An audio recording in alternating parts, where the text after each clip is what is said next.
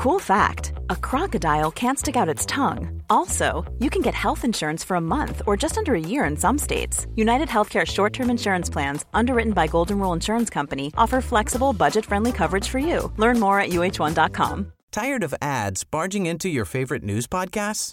Good news ad free listening is available on Amazon Music for all the music plus top podcasts included with your Prime membership. Stay up to date on everything newsworthy by downloading the Amazon Music app for free or go to amazon.com slash news ad free. That's amazon.com slash news ad free to catch up on the latest episodes without the ads. Du presenteras nu för obekräftad information. I avsnittet får du höra om konspirationsteorier och varför vissa människor tror på dessa. Var därför kritisk till materialet som bygger på fiktion, åsikter och vinklad fakta. Podcasten kan inte ses som en trovärdig källa. Ancient aliens, hot air balloons, astronomical maps, and mythical creatures. What holds the key to the secret of the Nazca Lines? When you mention the Nazca Lines to most people, they think of visitors from outer space. The lines were constructed to signal visitors from other planets and as runways for their spaceships.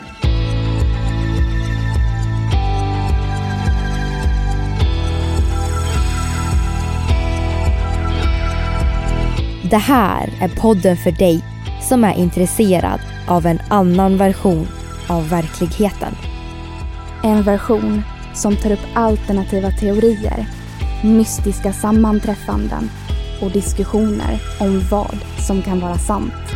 Mitt namn är Vivi. Och mitt namn är Aida.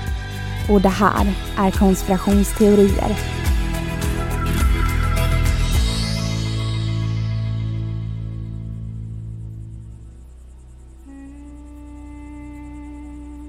Under mitten av 1500-talet snubblar några resenärer över en märklig upptäckt i Peru. Marken är rostfärgad, täckt av rödbruna stenar. Men i det stora, torra ökenlandskapet träder stora, komplicerade vägar fram. De ljusa ökenspåren liknar ruinerna av gamla vägar, kanske från en svunnen civilisation. Spårmarkörer för att visa vägen till någonting, tror den spanska conquistadoren Pedro Siesta de León. Våren 1927 vandrar Toribo Meyachepe, en peruansk arkeolog, genom Nazca-slätten för att finna inkaruiner. Han går högre upp över kullarna, stannar för att hämta andan och tittar ut över Pampa de Chicorio, de Pampa de los Chinos och pampade naska. Nazca. Det han bevittnar är en märklig syn. Från utsikten på kullen kan han se någonting ljust träda fram ur den mörkt brunröda ökensanden. Men formerna är svåra att se från denna höjd. Han tänker inte så mycket mer på det. Det gör ingen.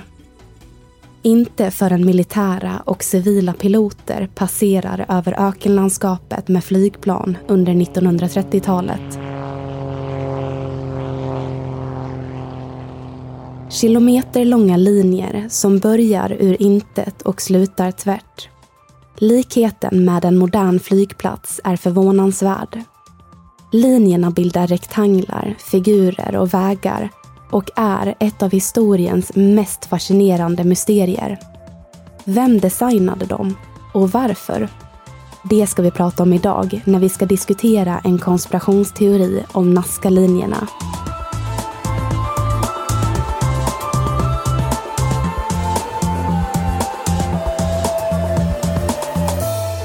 Det här är podden för dig som är intresserad av en annan version av verkligheten. En version som tar upp alternativa teorier, mystiska sammanträffanden och diskussioner om vad som kan vara sant.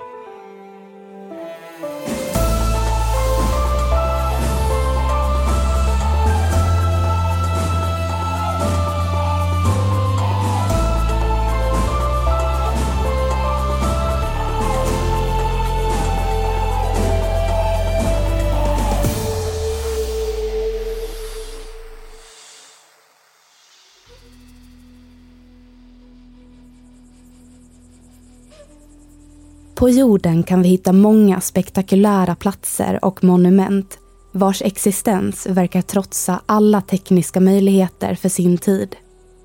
En sådan plats hittar vi i Peru.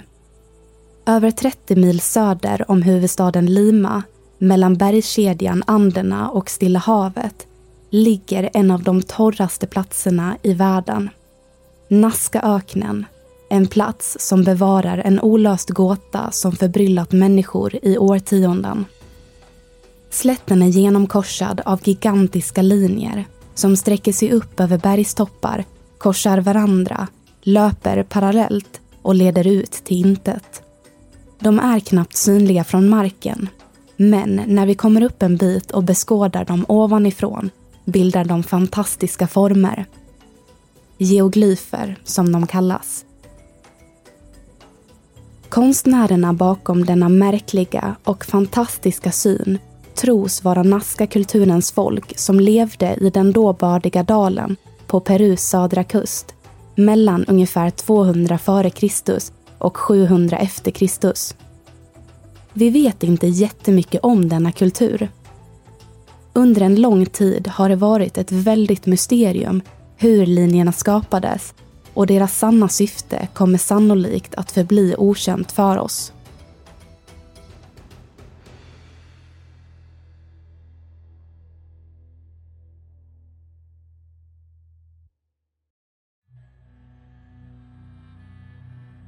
Den förmodligen mest accepterade teorin av allmänheten idag om Nazca-linjerna är att Nazca-kulturen byggde dem själva genom grundläggande kunskaper inom geometri och lantmäteriteknik.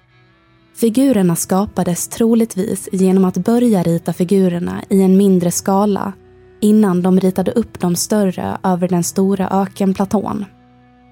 Genom att skapa bort de översta lagren av mörk ökensand och småsten så kom den ljusa, kalkhaltiga jorden undertill fram.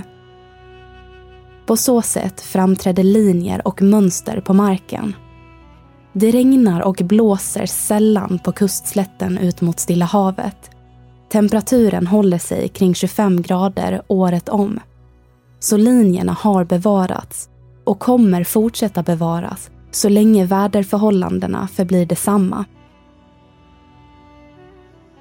Geoglyferna kan delas in i två kategorier. Hundratals av motiven är räta linjer och olika geometriska former. Som trianglar, spiraler, rektanglar och zigzagmönster. Hittills har arkeologerna funnit ungefär 800 räta linjer och runt 300 geometriska mönster. Den andra kategorin av geoglyfer återger något ur naturen. Det finns runt 70 figurer som föreställer växter, blommor, träd och djur. Det finns bland annat en apa, kolibri, lama, spindel, hund och jaguar. Apan är 93 meter lång. Spindeln 46 meter. De största är över 200 meter som exempelvis pelikanen som är 285 meter lång. Alla bara synliga från luften. Men i det ungefär 500 kvadratkilometer stora området finns över 10 000 figurer som alla inte har katalogiserats än. Det påstås att det i regel tog ungefär två till tre dagar att skapa en cirka 50 till 100 meter lång geoglyf, som kondoren eller kolibrin.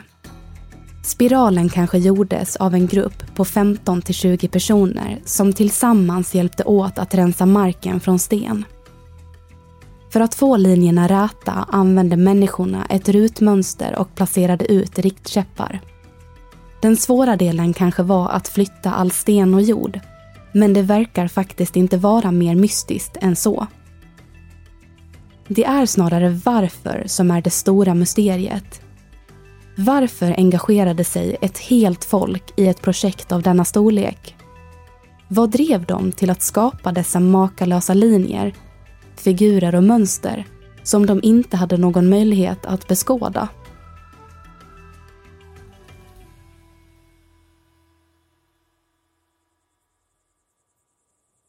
Det finns så mycket mystik som omger Nazca-linjerna att det är svårt att veta var vi ens ska börja. Nazcalinjerna har aldrig riktigt avslöjat sina hemligheter. Trots omfattande studier är det ingen som kan svara på till vilket syfte figurerna skapades. Rör det sig om väldigt massiva konstverk? Ett omfattande kommunikationssystem? Eller skapades bilderna för att locka utomjordingar till platsen?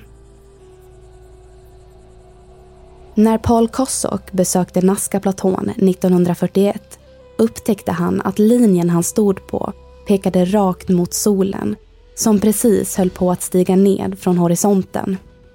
En tanke slog honom. Var detta kanske en astronomisk kalender? Ett par år senare kom Kossoks assistent Maria Reiche till platsen.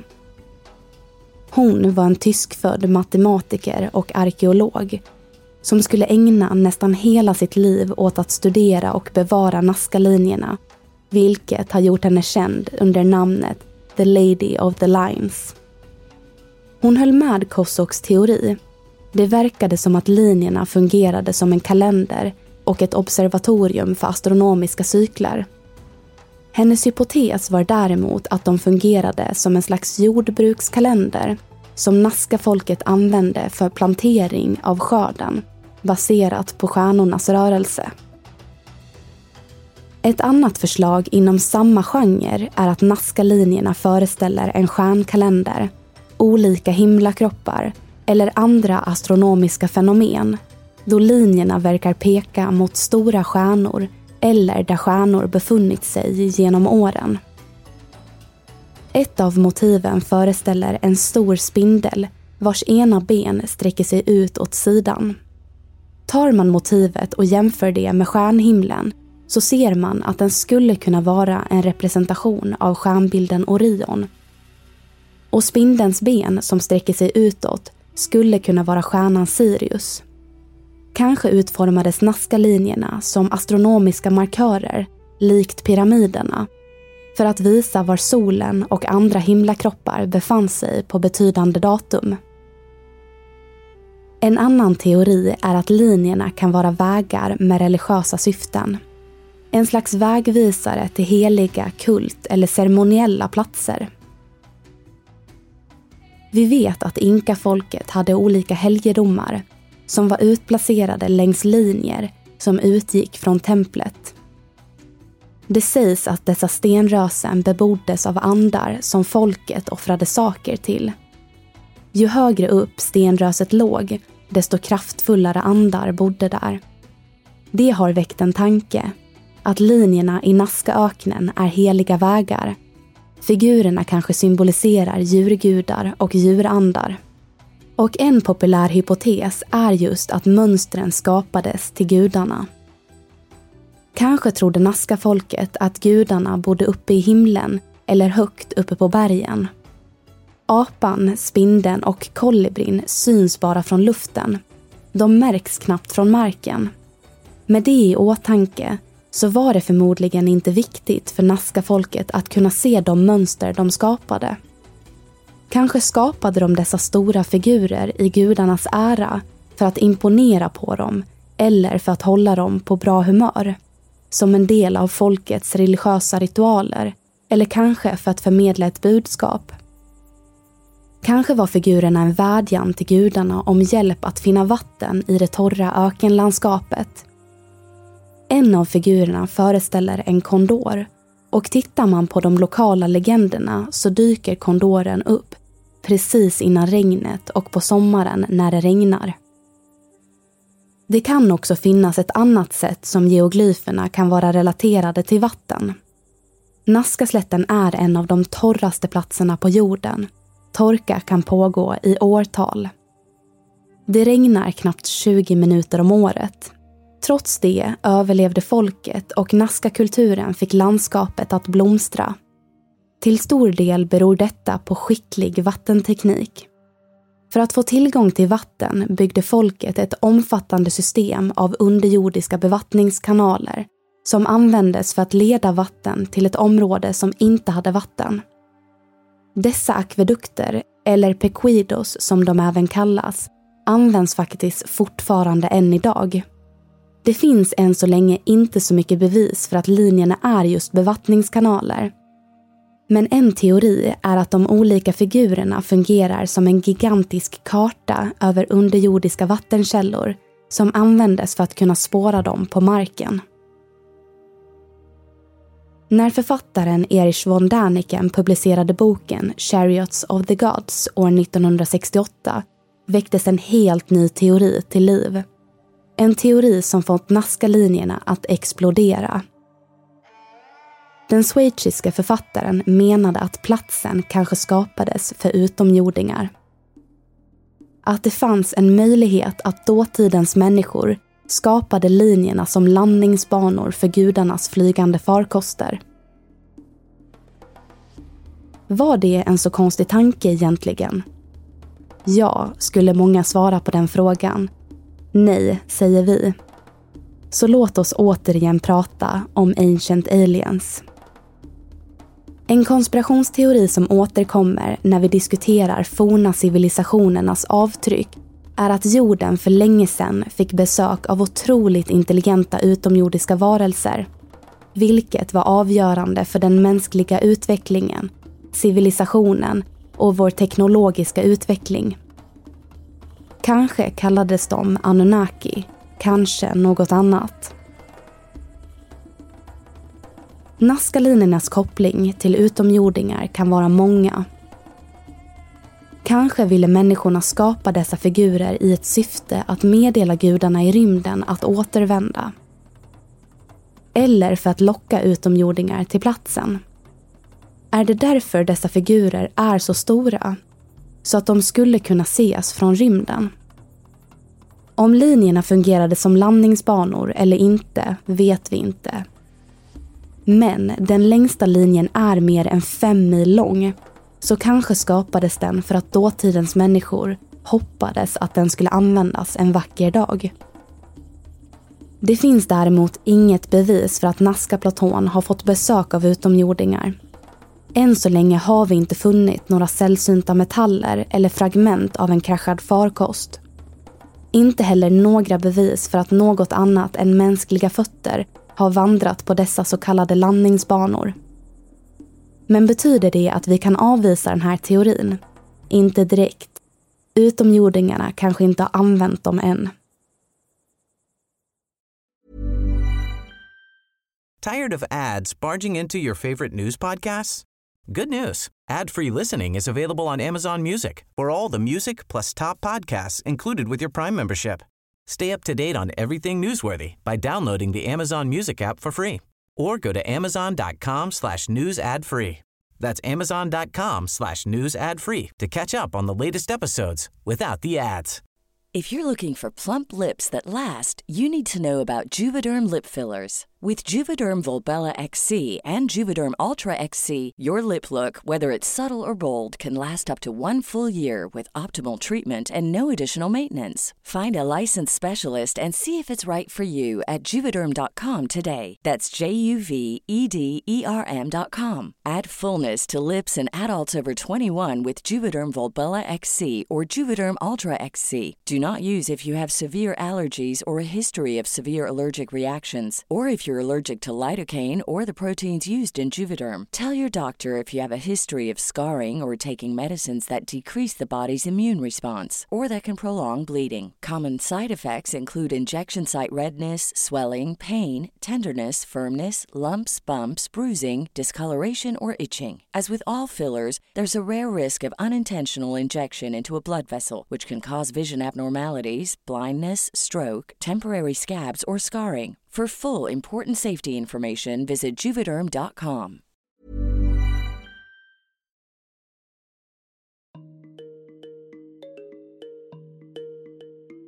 Om vi tittar på motiven så föreställer de olika djur som apor, ödlor och spindlar. Men det finns också mer abstrakta former eller vad vi i dagens avsnitt kanske kan benämna som mer utomjordiska motiv. En sådan figur som är utmärkande är El Astronauto, eller astronauten, som liknar en människa med stora ögon som vinkar på en sluttning.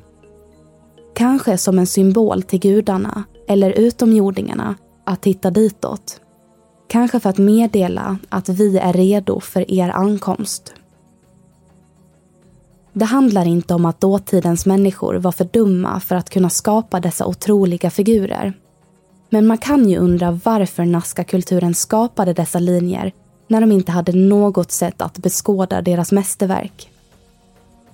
Varför var det så viktigt att skapa något som de aldrig kunde se?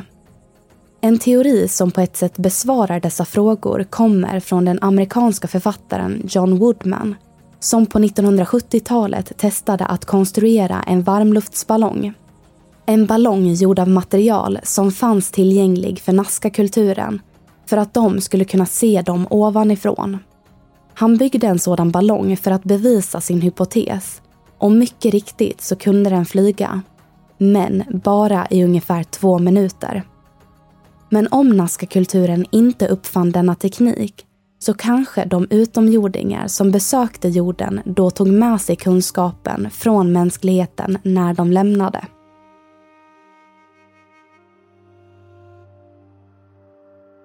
På 1200-talet utvecklades samhället i Peru till ett gigantiskt imperium med miljontals invånare. Imperiet kallades Inkariket med centrum i huvudstaden Cusco som omringades av den heliga dalen. Det finns många som menar att om en luftballong eller liknande uppfanns av Nazca-kulturen eller Inkariket så borde de spanska erövrarna skrivit om detta. Det borde finnas något skriftligt tecken eller bevis. Men kanske inte om tekniken inte längre fanns. Den kanske var försvunnen sedan en lång tid tillbaka. Långt innan de spanska erövrarna, conquistadorerna, plundrade kultur efter kultur på rikedomar vilket medförde att inkariket brakade samman. Historiker tror att Nazca-folket var tidiga släktingar till inkafolket. Enligt inkafolkets mytologi är guden Viracocha skaparen av allt liv. Den heligaste och viktigaste av alla gudar. Enligt sägnen var det Viracocha, eller Kontiki, som såg till att Nazca-linjerna skapades. Vissa myter berättar verkliga historier. Trots att de kommer från olika platser av världen så delar många några fantastiska likheter mellan varandra. Forntida gudar är ett exempel som ofta identifieras som civilisationernas skapare. I Egypten berättas om Osiris, guden som lärde de egyptiska folken jordbrukens konst. I astetisk mytologi berättas om Quetzalcoatl som gav människan kunskap om medicin, konst och jordbruk. Samma gud som mayafolket kallade Kukulkan, den befjädrade ormen. I grekisk mytologi hittar vi liknande exempel, precis som i sumerisk mytologi och berättelserna om Anunnaki. I Peru kom Viracocha, eller Kontiki, med liknande gåvor till mänskligheten. De mesoamerikanska gudarna väcker en fråga. Är det möjligt att Quetzalcoatl, Viracocha och Kukulkan i själva verket är en gud? Kan de mesoamerikanska gudarna vara kopplade till Anunnaki? De forntida gudarnas karaktärsdrag är intressanta att analysera. Viracocha avbildas ofta som en gammal skäggig man som stödjer sig på en stav.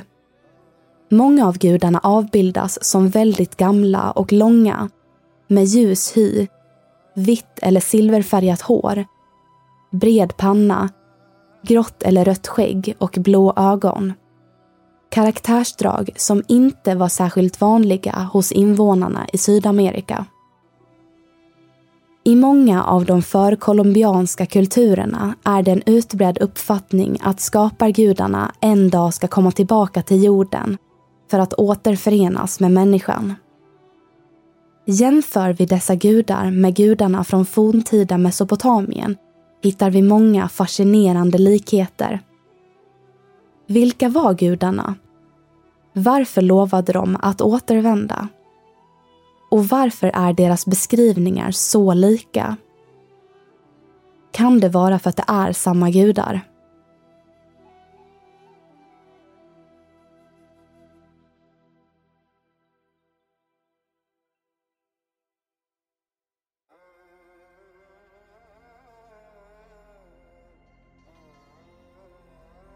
En grupp japanska forskare under ledning av zoologiarkeologen Masaki Eda har undersökt 16 olika geoglyfer i Nazcaöknen som tros representera fåglar och jämförde dessa med bilder av mer än 2000 fågelarter som lever i Peru och närliggande områden idag. Varken kolibrin, en liten fågel som lever i norra Perus skogar, eller pelikanen, som lever nära kusten, finns i ökenlandskapet där Nazca-linjerna skapades. Inte heller apan. For example, the hummingbird, the pelican, the condor, and the parrot can only be found hundreds of miles away from this region, which is kind of mind blowing to think about. I mean, were the Nazca people really traveling thousands of miles only to return home and draw exotic animals in the desert sand? Varför finns motiven där? YouTuber CFApps7865 uploaded a video showing what happens if you plot out the major Nazca lines over the entire Earth. And amazingly enough, they all intersect on the other side of the planet directly over the megalithic Angkor Wat temple. Det är nu det börjar bli intressant. Det verkar alltså som att Nazca-linjerna leder till templet Angkor Wat i norra Kambodja när man tittar på templet ovanifrån så ser det ut som en mandala, som är en religiös symbol som representerar universum och har både en andlig och rituell betydelse i hinduism och buddhism. Det som gör detta så spännande är att en av geoglyferna man funnit i Nazcaöknen ser ut som en mandala. One of the most interesting geoglyphs that you have at Nazca is the Sun Star Cross geoglyph, which is really a very complicated, huge mandala of interconnected stars and triangles. And it's something we see all over the world in, in Tibet and India as mandalas and even yantras. So things like this that are so geometrically complicated and are found all over the world indicates that there was some kind of worldwide symbolic language that was brought here by a higher intelligence. Finns det någon tanke med symbolen i Nazcaöknen? Varför skapar de den? Är det en slump att linjerna leder till Angkor Wat? Eller finns det någon tanke med det? Ungefär 640 kilometer väster om Nazca, nära Titicacasjön i Bolivia, hittar vi staden Tiwanaku vi vet inte riktigt när den här staden byggdes. Ett förslag är runt 1400 f.Kr. men den kan vara betydligt äldre än så. Det som är väldigt förbryllande med staden är att den är byggd med stora stenar som väger uppemot 100 ton, som är huggna på ett sätt som gett upphov till teorier att folket måste ha använt mycket avancerade verktyg i princip i klass med den teknik vi använder idag. Stenarna är inte bara tunga, de är fyrkantiga, klädda och skårade på ett så skickligt sätt att det verkar osannolikt att människorna använt de primitiva verktyg som fanns vid den tidpunkten. Enligt inka-traditionerna var Tiwanaku en betydelsefull plats. Det sägs att staden var en hyllning till himmelsfolket och guden Viracocha och platsen där världen skapades. Och intressant nog så verkar det som att Nazca-linjerna pekar dit. Och det är inte allt. De största Nazca-linjerna verkar faktiskt peka mot flera storslagna platser runt om världen. Givetvis kan det vara en slump. Det finns ju hur många linjer som helst. Men kanske är det inte en slump. En av linjerna pekar mot pyramiderna i Giza och en annan mot Påskön. Den sistnämnda platsen, Påskön, är framförallt intressant. ön ligger mitt ute i Stilla havet, över 3700 kilometer från Nazca-linjerna och är kända för stenstatyerna Moai. En spännande sak är faktiskt att det finns en figur i Nazcaöknen som verkar föreställa en fågel med en cirkel i mitten, som kanske symboliserar ett ägg. En liknande fågel med en cirkel inuti hittar vi inristat på olika platser på Påskön.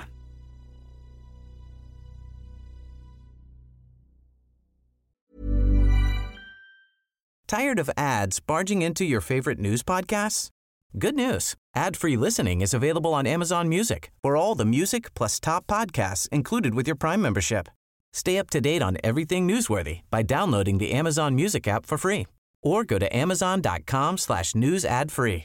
That's amazon.com slash news ad free to catch up on the latest episodes without the ads.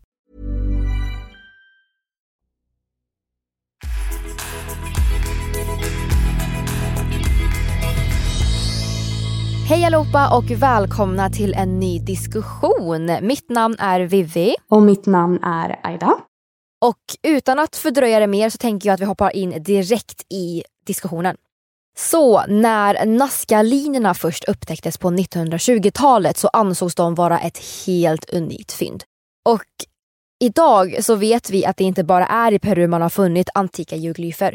Utan faktum är att det finns liknande figurer i både Asien, Afrika, Europa, Mellanöstern och även Nordamerika. Ett exempel på en relativt ny upptäckt som man har gjort är ökenmurarna. Likt Nazca-linjerna så kan man se flera varierande motiv från luften över Syrien, Jordanien och Saudiarabien.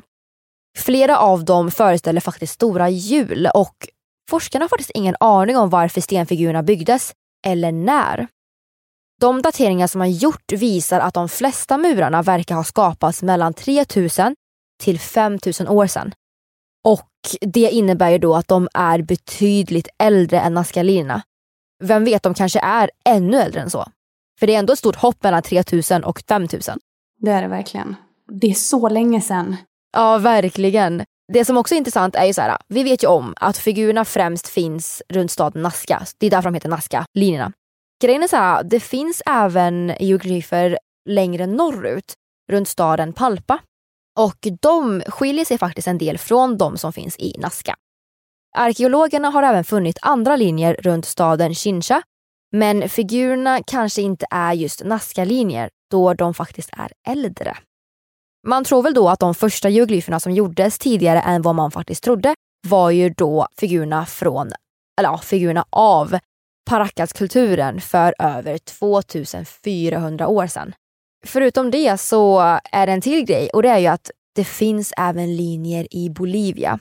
Och de kallas för Sayama-linjerna. De är ju då större än Nazca-linjerna och de är faktiskt ett riktigt mysterium för återigen, varför skapades de? Varför finns de? Och varför är de större? Mm. Det mest troliga är ju då att de här linjerna inte har någonting med Nazca-kulturen att göra. Så det man ställer sig är ju då, hur kommer det sig att det förekommer ett liknande verk så nära men ändå så långt bort av kulturer som inte visste om varandra? Hur kan dessa kulturer ha haft samma tanke och varför? En till grej som jag vill säga är även att i Chile så hittar vi också en annan spännande geoglyf. Det är Atacama-jätten. Den liknar faktiskt vissa figurer i Nazca och de har även drag som liknar Viracocha. Vi kan ju faktiskt lägga upp och dela dessa verk via våra sociala medier, konspirationsteorier, ifall ni inte orkar googla fram hur det ser ut. Så att ni kan se, för det är oerhört spännande, tycker jag i alla fall, att så här, olika kulturer som finns på olika platser i världen gör samma grejer. Alltså det är, det är väldigt märkligt. Också att de påminner om varandra. Ja, exakt. Och det här är ju liksom en helt annan tid. Det är det vi får komma ihåg. Det finns inget nät här. En grej som jag kan passa på att säga är att någon gång för inte så länge sedan så sopades linjerna i, alltså Nazca-linjerna då, för att bli bättre synliga från luften. De här linjerna är ju alltså, det är liksom röd sand och sen så har man plockat bort stenarna och så ser man den vita sanden under. Och då hade väl de blivit otydliga på något sätt och då bestämde man sig då för att sopa dem så att de skulle bli mer synliga. En bra idé, kanske man kan tycka en skitdålig idé egentligen, för att därmed så förstörde man också möjligheten att kunna datera dessa linjer.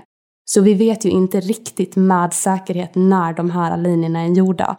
Och det här är ju typ ett av världens, historiens största exempel på faran med städmani.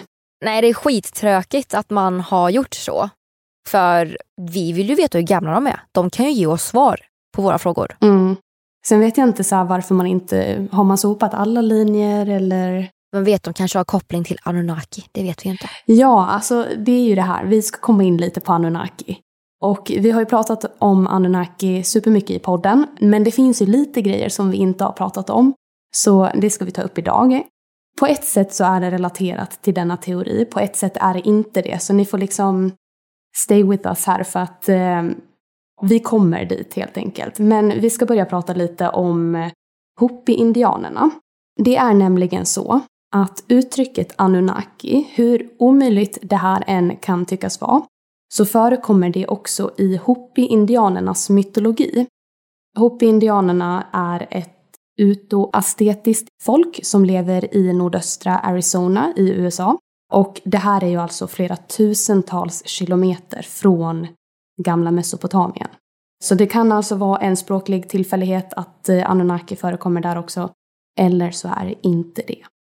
Namnet Hopi-indianerna kommer från deras ord Hopitu, som betyder de fredliga. Och då är det så här. I många av de förkolumbianska kulturerna så är det en utbredd uppfattning att skapargudarna en dag ska komma tillbaka till jorden för att återförenas med människan. Hopi-folket utgör inget undantag, även om deras gudomligheter inte alltid kommer ner från himlen utan snarare stiger upp från jordens centrum, där de då fortfarande bor. Arkeologiska fynd visar att under perioden mellan 1300-talet och fram till spanjorernas ankomst 1598 så övergav några stammar av det forntida Ansasi-folket sitt territorium för att från norr ta sig söderut och ansluta sig med Hopi och Suni-indianerna. Munken Marcos de Nisa beskrev deras bosättningar som stora städer fyllda med guld, en framställning som innebar slutet för dessa indianstammar då området blev en genomfartsplats för Francisco Vasquez de Coronados våldsamma expedition år 1540. Nu är vi inne lite på mytologin här. Varje gång en av världarna blir förstörd ledsakar myrfolket de mest förtjänta Hopi-indianerna till underjordiska städer för att fly och rädda sig från deras världs förödelse. Legender berättar att den första världen, Tokpela, blev ödelagd av en brand. Och för många forskare så kan legenden hänvisa till ett våldsamt vulkaniskt fenomen eller till en enorm solstorm av katastrofala proportioner, även om man i lika hög grad också kan överväga ett meteoritnedslag. Tokba, den andra världen, blev istället tillintetgjord av köld. Antagligen utlöste det ett polskifte av en istid under vilket livet på planeten allvarligt riskerades. Till sist blev den tredje världen, Kuskursa, förintad av Sotugnang, som var skaparens brorson genom en enorm översvämning. Enligt Hopi-traditionerna så spred sig då de överlevande till olika platser på planeten under Masa-Uvus ledning, den fjärde världens mästare och dödsande.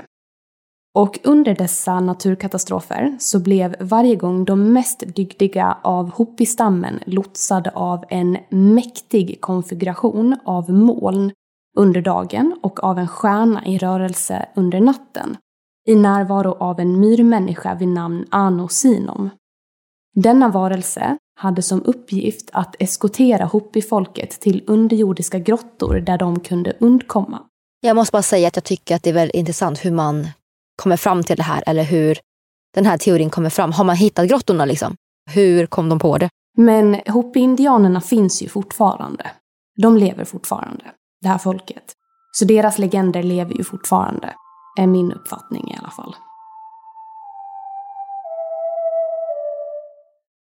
Det är en legend såklart, men är det sant eller inte? Det vet vi ju inte. Vi har ingen att fråga direkt. Nej, och det sägs ju att legender innehåller i alla fall någon form av sanning i sig.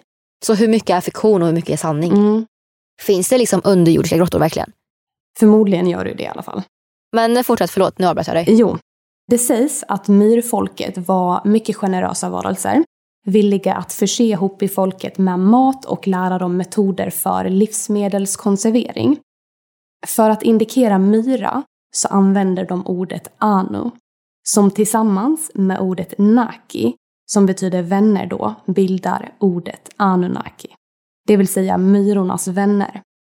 Och i februari varje år, till minne av dessa händelser, så firar Hopi-folket ceremonin Hovano, som är en ritual för att fira minnet av den tidpunkt då Ano Sinom lärde dem att låta bönor gro inne i grottorna så att de kunde överleva. Så för att sammanfatta denna historia då och knyta an till dagens avsnitt så dyker alltså Anunnaki upp i andra mytologier och flera tusentals kilometer från Mesopotamien. Och även fast Hopi-folket är liksom i USA så är liksom poängen av det här att det är fortfarande så långt bort från Mesopotamien och ändå är det samma namn. Och sen har vi Nazca-linjerna som ligger ändå ganska nära där. Och jag tycker det här är så spännande för att för mig blir det ett slags ytterligare bevis här då för att jorden kan ha fått besök från vilka nu detta var. Och att de kanske åkte runt till olika kulturer och lärde dem olika saker och sen lämnade dem. Att alla våra olika kulturer här på jorden som vi har haft då kanske har fått besök av samma lärare. Det vill säga Anunnaki. Och alltså om vi ska knyta an till det här med Anunnaki igen så finns det en bild. Vi kommer dela den här på vår Instagram och Facebook och sånt där. Det är ett fotografi av en relik. Och sen är det även en bild på en Anunnaki då från Mesopotamien. Alltså om det inte är samma så är det här väldigt, väldigt lika gudar eller vad man säger. Och den här reliken då, eller fotot på den här reliken, är från munken fader Carlo Crepsi som var en lokalt känd samlare från Ecuador. Och han hade då liksom flera olika sådana här äh, gamla reliker. Det är väldigt oklart om hans samling var på riktigt eller inte. Men om den är det så är det liksom en Anunnaki han har där fast liksom inte från Mesopotamien. Är det ett bevis på att de fanns eller inte? Det vet vi ju inte. Nej. Vi är ingen att fråga. Exakt, det är det som suger. Och om det inte är sant, vad inspirerar dem till att måla liknande grejer? Mm. På tal om Anunnaki och utomjordiskt liv så finns det flera kroppar, däribland ett lik med tre fingrar, som har hittats i en grav nära Nazca-linjerna. Vissa forskare tror att det faktiskt kan röra sig om en nyligen oupptäckt art eller kanske utomjordingar. jag tycker bara det är så spännande för att det känns som att det dyker upp såna här grejer i tidningen hela tiden. Alltså lite här och var. Eller på nyheterna. Ja. Och så här, det behöver inte alls vara bara från liksom, Nazca-området och liksom, ha att göra med Nazca-linjerna utan det känns som att man ofta hittar gravar med gamla kroppar som har liksom avlånga huvuden och så här, som ser ut som aliens. Är det aliens eller? Det vet vi inte. Vi har inget bevis för någonting. Nej. Men en stor förespråkare för den här teorin då med utomjordingar och sådär är då en kille som heter Erich von Däniken.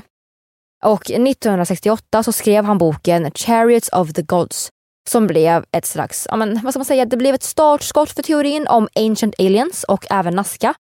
Det var väl det som spred teorin, det var det som gjorde att teorin blev jätte, jättestor och att fler och fler fick vetskap om Nazca-linjerna helt enkelt. Han blev då väldigt inspirerad av Maria Reiche och det är ju hans förtjänst att allting om Nazca blev känt för världen. Och det tycker inte jag borde vara ett problem, men eh, det tyckte Maria Reiche. För hon hade ett stort problem med att det blev en turistattraktion. För det innebar ju också att så många människor kom dit och vem vet, när man är där, man kanske förstör någonting, man rör Så hon blev ju väldigt, väldigt, väldigt inne i det här men vi måste skydda det här. Vi måste skydda Nazca-linjerna. Det får inte bli förstört. Hon var ju då väldigt på den peruanska regeringen att faktiskt bevaka och skydda de här linjerna. Och utan hennes arbete så hade Naskalina inte funnits med på Unescos lista över världsarv, vilket är super, super coolt. Men jag har lite dåliga nyheter. För 2018 så körde en långtradarchaufför rakt ut över Nazca-linjerna. Personen hade då missat varningsskyltarna och lastbilens hjul orsakade djupa spår i tre av figurerna. Och det här var då på ett område som var om 50 gånger 100 meter. Mm. Ja, det är ju jättetråkigt. Alltså vi kommer ju aldrig få tillbaka det här. Då. Nej men verkligen inte. Och samma sak med det här med städmani. När någonting förstörs så är det inte säkert att man kan rädda det. Nej, alltså det går inte ens beskriva vilket värde det är i det här. Alltså förstår du, det är så många tusen år sedan någon har gjort det här och det har lyckats bevaras på grund av det klimat som finns där. Och sen så bara kommer det någon, bara för att vi utvecklar bilar och teknik och sånt där, så kommer det någon och bara kör rakt ut över det. Det är så provocerande. Ja. Jag, blir, jag blir jättearg. Det är det jag verkligen. blir jättearg alltså. Ja, nej jättetråkigt är det. Mm. Såhär, jag i London nu då, när jag är här, så har jag ju gått på massa museum. Och då har man ju så hittat massa ben från du vet, gamla dinosaurier och väldigt så mycket äldre grejer. Det är en sån tur att vi har hittat dem. Och det är så tråkigt nu med det här med Nazca-linjerna att vi har hittat dem. Men en del har förstörts. För att det är ju information som försvinner för oss. Mm. Det roliga med naskalinjerna är ju att det finns så mycket fler naskalinjer än vad vi vet. Man tror ju att det finns liksom uppemot 10 000 och de som det finns bilder på när man googlar naskalinjerna det är ju typ så här 10 stycken. Det finns så många naskalinjer som vi inte hittat. Alltså bara för, kan det vara två år sedan, så kom det ju upp i tidningarna om den här katten som de hade hittat då. Just det. Mm. Och det är väldigt nyligen. Men det är ju just för att Nazca-linjerna är ju ett liksom, det är ett nytt upptäckt fynd. Det var ju först när vi liksom kunde flyga flygplan som vi såg vad det var där. Och nu behöver man inte flyga flygplan längre för nu har vi ju drönare. Men eh, ja, fortsätt leta alltså. Men frågan är ju så här, katten exempelvis, var den äkta eller var den fake? Man vet ju aldrig. Jag kan tänka mig att det finns någon liten hittepå-person som bara, men nu ska vi, göra, nu ska vi måla en katt så att eh, det kommer till nyheterna. Hänger du med? Alltså, så här, ja, jag förstår vad du menar. Jag tolkade det inte så, men så kanske det kan vara. Jag vet inte. Nej men jag menar bara att så här, är den äkta eller är den hittepå liksom? Men som du säger så finns det säkert jättemånga vi inte har hittat ännu. Mm. Men det är det jag också tänker med det här med städmanin. För om det finns många vi inte har hittat än, då kan ju inte de vara förstörda. Eller jo, det kanske de kan ändå. Men alltså det är, ingen, det är ingenting som vi har förstört då, för vi har inte hittat dem. Så då kanske man liksom i framtiden då kommer kunna datera dem bättre. Man kanske kommer kunna hitta fynd som liksom berättar mer om varför de har gjorts och hur de har gjorts. Och... Nej men jag håller med. Och vad tycker ni lyssnare? Tycker ni att det här är intressant? Och vad tror ni om Nazca-linjerna? Det får ni jättegärna skriva till oss på konspirationsteorier på Instagram eller på konspirationsteorier Facebook och även i vår grupp konspirationsteori efter snack. Nej men det var allt vi hade för idag och jag hoppas att ni tyckte om det här avsnittet. Och vi hörs i nästa avsnitt hörni. Så ha det så bra tills dess. Jajamän. Hej då! Hej då!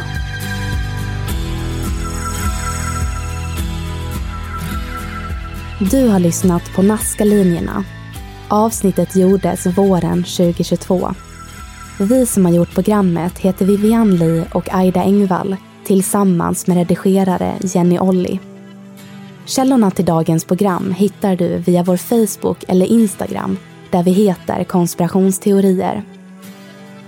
Via våra sociala medier kan du även skicka in tips och önskemål på teorier som du vill höra i podden.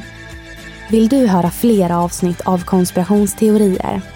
Besök din poddapp och lyssna på avsnitt som Anunnakis återkomst.